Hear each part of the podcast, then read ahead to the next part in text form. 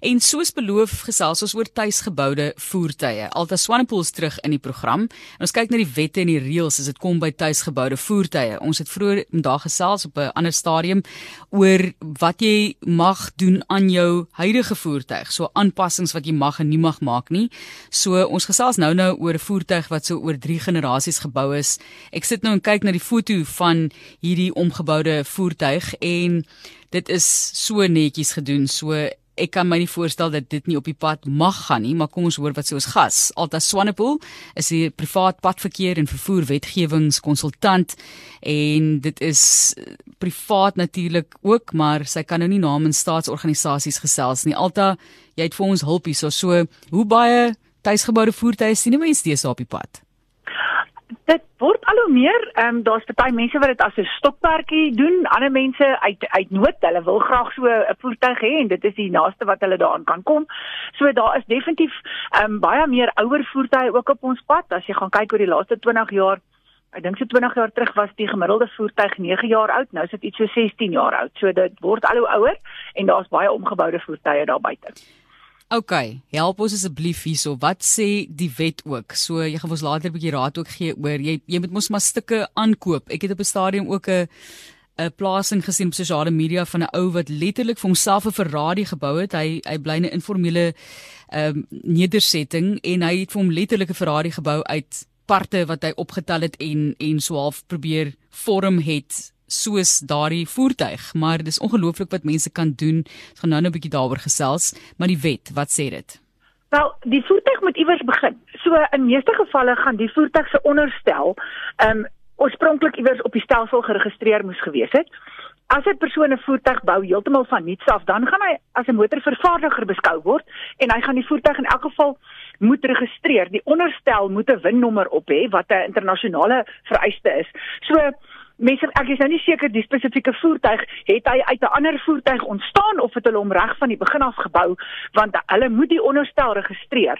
Um as 'n as 'n as as 'n starting point as ek dit so kan stel en die engine gaan hulle of nie moes gekoop het en dan sy inligting op die stelsel gesit het maar die manne wat kyk na gesteelde voertuie en so aan is baie streng oor hierdie tipe goed en indien die voertuig reeds van 'n bestaande onderstel af kom dan sal hy as opgeboude voertuig op die stelsel geregistreer word wat sekere implikasies het. Goed, so wat koop jy? En waar koop jy en maak jy seker dat die dele wat jy aankoop om hierdie voertuig te bou is van goeie kwaliteit en gehalte? Wel, ehm um, die die wetgewing sê basies die oomblik wat jy as 'n bouer hanteer word, dan gebruik jy nuwe en tweedehandse parte of gebruikte parte om 'n voertuig te ehm um, te maak. En in daai omstandighede as jy nou jou onderstel sê maar by 'n ek weet nou nie wat is die mooi Afrikaanse woord vir 'n scrapyard nie. As jy jou baie van die ouens koop die tipe van goed by 'n scrapyard, ehm um, hulle die voertuig is dalk in 'n ongeluk gewees en helfte van hom is afgeskryf maar die ander helfte maak keer niks nie. Dan neem die ouens die tipe goederes van van die voertuig af en hulle verkoop dit apart. En daar is gewoonlik waar die kontrole baie sterk is. As jy enigiets gaan koop, moet jy seker maak jy het kwitansies jy kan bewys waar jy dit gekry en so voort want jy gaan nodig hê om 'n SAP klaring vir daai voertuig te kry voordat jy hom op die op die stelsel kan sit en met hom op die pad gaan ry. Ja, dis 'n skrootwerf. Dis die woord waarvoor jy gesoek het. Ek probeer dit nou so. Ek dink heeltyd in Engels deesdae want die padverkeerswetgewing is nie eintlik in Afrikaans nie. Dis nie is is ook nie 'n maklike woord om te onthou nie, né? Dis soos nee. dis soos keker ertjies vir chickpeas. Dis 'n is 'n rowwe een. Maar alta kom ons gesels net gevinnig oor die definisie ook net vinnig want ek het nou gedink jy boue 'n motor heeltemal van die begin af, maar dit is ook nie die geval nie, né? Daar is dalk 'n bestaande deel van die motor wat daar was en jy bou verder. So, hoe definieer hulle dan 'n tuisgeboude voertuig? Hy hy word as 'n kode 3 voertuig op die stelsel gesit wat dan om opgebou is en die voertuie het 'n paar ehm um, probleme in die sin van uh mens kry nooit versekerings vir hulle nie. Ehm um, die uh, ouens wil ook hulle nie finansier nie. En as hy 'n kode 3 op die stelsel gebring het, beteken dit dit is 'n voertuig wat uit ander voertuie opgebou is. Dis baie selde dat iemand die hele voertuig van nuuts af kan bou, want dan moet hy 'n splinter nuwe onderstel ook gekoop het vir daai voertuig. En dit is nie eintlik redelik beskikbaar nie. So oor die algemeen gaan jy vind dat die voertuig op 'n bestaande onderstel gebou word wat hom dan onmiddellik opgebou maak.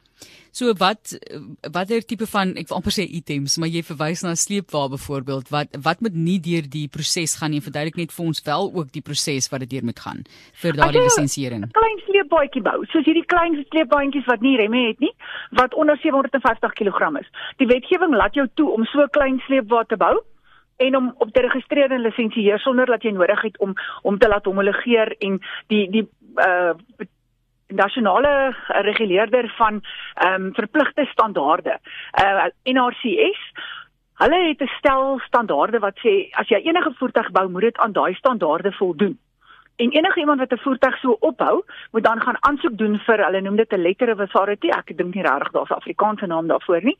En Die hele proses kan jou hier by die 10 12000 rand kos want jy moet dan um bewyse gaan lewer van die remstelsel, die tipe glas wat jy in jou voertuig gesit het want daar's reëls vir al daai tipe goed.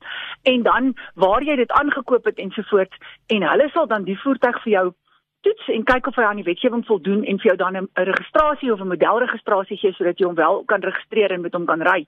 En klein sleepwaandjies wat onder 750 kg is. Jy moet steeds al die vereistes nakom, maar jy het nie nodig om deur hierdie pynlike proses te gaan om so 'n klein sleepwaandjie op die stelsel te sit nie. Jy moet net 'n padwaardigheidssertifikaat vir hom kry.